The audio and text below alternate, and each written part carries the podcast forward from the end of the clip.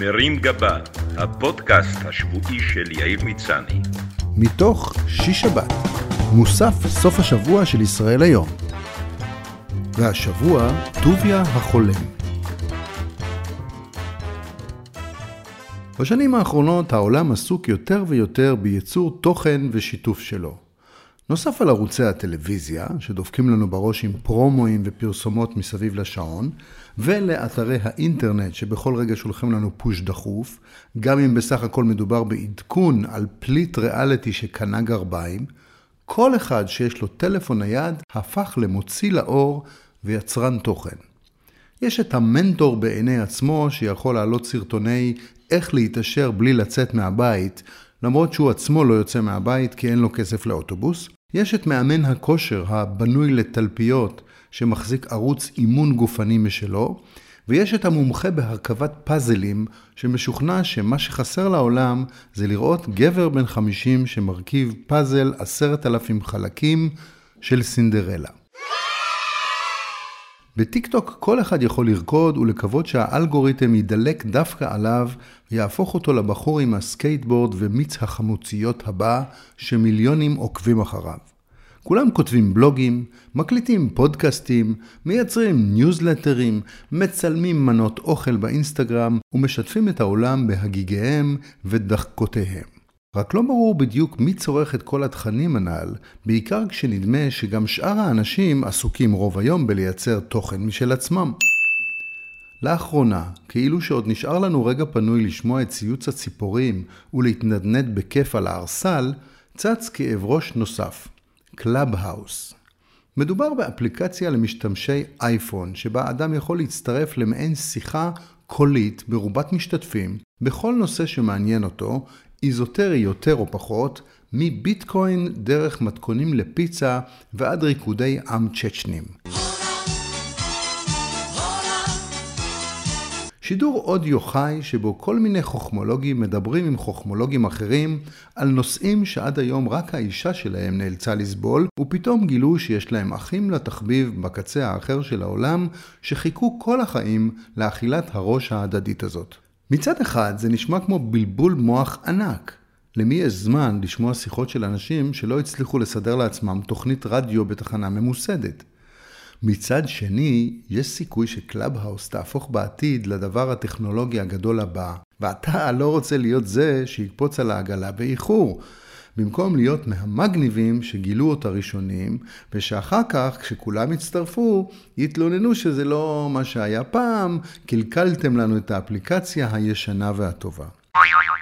העולם הדיגיטלי שינה את חייהם של אלמונים רבים והפך אותם למגה משפיענים.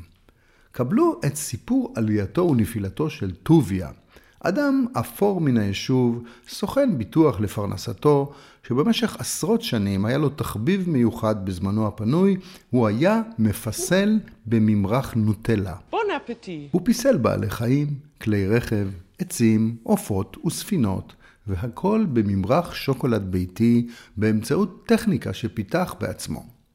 טוביה חש תמיד שהתחביב שלו חריג, וכדי שלא תדבק בו, תרתי משמע, תדמית החריג, הוא הקפיד שרק מעטים ידעו על פעילותו האומנותית.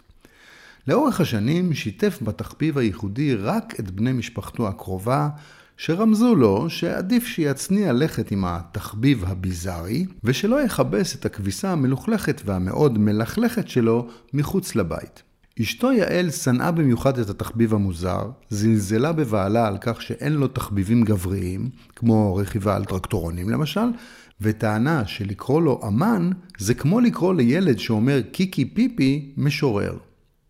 היא אמרה גם שפסלי הנוטלה שלו מביאים לביתם זבובים ונמלים, ושחדר העבודה שלו מריח כמו פח מחוץ לסניף של מקס ברנר.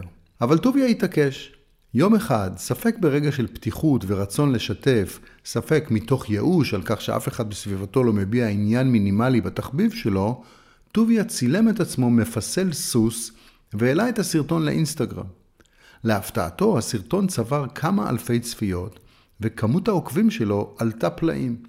בסרטון הבא, שבו הראה כיצד הוא מפסל מכונית סוסיתא, כמות העוקבים, הצופים והלייקים כבר הכפילה את עצמה, וטוביה התחיל להתמכר. הוא העלה תמונות שלו מעצב פסלים של כלי עבודה חקלאיים עתיקים מנוטלה, מכשירי פקס ועוד, והסרטונים שלו התפשטו ברשת כאש במטע קקאו. מתברר שבעולם קיימת קהילה תוססת של מפסלים במבחר מוצרי מזון, מטחינה, דרך חמאה ועד פירה, וטוביה הפך לכוכב בסצנה ולמלך הקינוחים. הוא הפיק סרטי הדרכה לחובבי הפיסול והממרחים שירצו ללכת בדרכו, והפך לגורו עולמי של פיסול בנוטלה. היה לו חדר משלו בקלאבהאוס, עמוד בפייסבוק, אתר אינטרנט ייעודי וניוזלטר שבועי. הוא העלה סרטונים לטיק טוק וסטורי יומי באינסטגרם. הוא כונה הנוטליסט מישראל על משקל המנטליסט, והחל לקבל הזמנות לכנסים ולפסטיבלי מזון ברחבי העולם. אבל כמו עם כל סיפור הצלחה, גם הביקורות והקנאה לא איחרו לבוא. לאט לאט התחילו רינונים על כך שטוביה מקבל תמיכה מחברת נוטלה, ובארץ היו שטענו שבתור ישראלי, מן הראוי שיתמוך בתוצרת כחול לבן ויפסל בשוקולד השחר. אחרי שהגיע ליותר ממיליון עוקבים, החליט טוביה לנסות להתרחב גם לפיסול בחומרים נוספים, ועשה כמה עבודות מביצי קינדר. אבל נחל אכזבה. חלק מעוקביו ראו בו מי שהתמסחר ונטש את הערכים הישנים, ואף ייסדו עמוד פייסבוק בשם טוביה הבוגד. כשהוא קיבל פנייה מעמותה להשתתף בתערוכה ולתרום עבודה שלו למען ילדים שזקוקים לטיפולים, הוא נהנה מיד בחיוב, במחשבה שזה יוציא אותו טוב. אבל אז קם קול צעקה מכיוון ההורים. התברר שהטיפולים המדוברים הם טיפולי שיניים, ועניין הנוטלה הפך אותו לפרסונה נון גרטה בתערוכה. אבל את המכה הקשה ביותר חטף טוביה כשהחליט יום אחד לפסל בננה ענקית משוקולד נוטלה כמחווה לבננה של אנדי וורל. כמה שעות אחרי שהיצירה עלתה לרשת, היא זכתה לפרסום קצת שונה מהמתוכנן, כשארגוני השחורים בארצות הברית טענו שהבננה השחורה היא בעצם דיוקן מעליב של איבר מין הלועג לציבור האפרו-אמריקני. לא עזרו הסבריו של טוביה שלא הייתה לו שום כוונה כזאת, ושכמה מחבריו הטובים ביותר הם שחורים. הוא הפך למוקצה ברשת, והעוקבים נטשו אותו במהירות של נוטלה שנמסה במיקרו. היום טוביה מנסה לשקם את תדמיתו. הוא עבר לחומרים טבעיים והחל לפסל בטופו, כדי לא להרגיז שחורים, טבעונים, ארגונים למען איכות הסביבה וארגוני בריאות. אשתו עזבה אותו בשיא המשבר לטובת מדריך רכיבה על סוסים, והיום הוא חי עם רופאת שיניים לילדים שתחביבה הוא פיסול ברצועות גמבה. ללמדכם שבעולם הדיגיטלי הכל אפשרי ואסור לוותר על החלום. מרים גבה, הפודקאסט השבועי של יאיר מצני. מתוך שיש שבת, מוסף סוף השבוע של ישראל היום.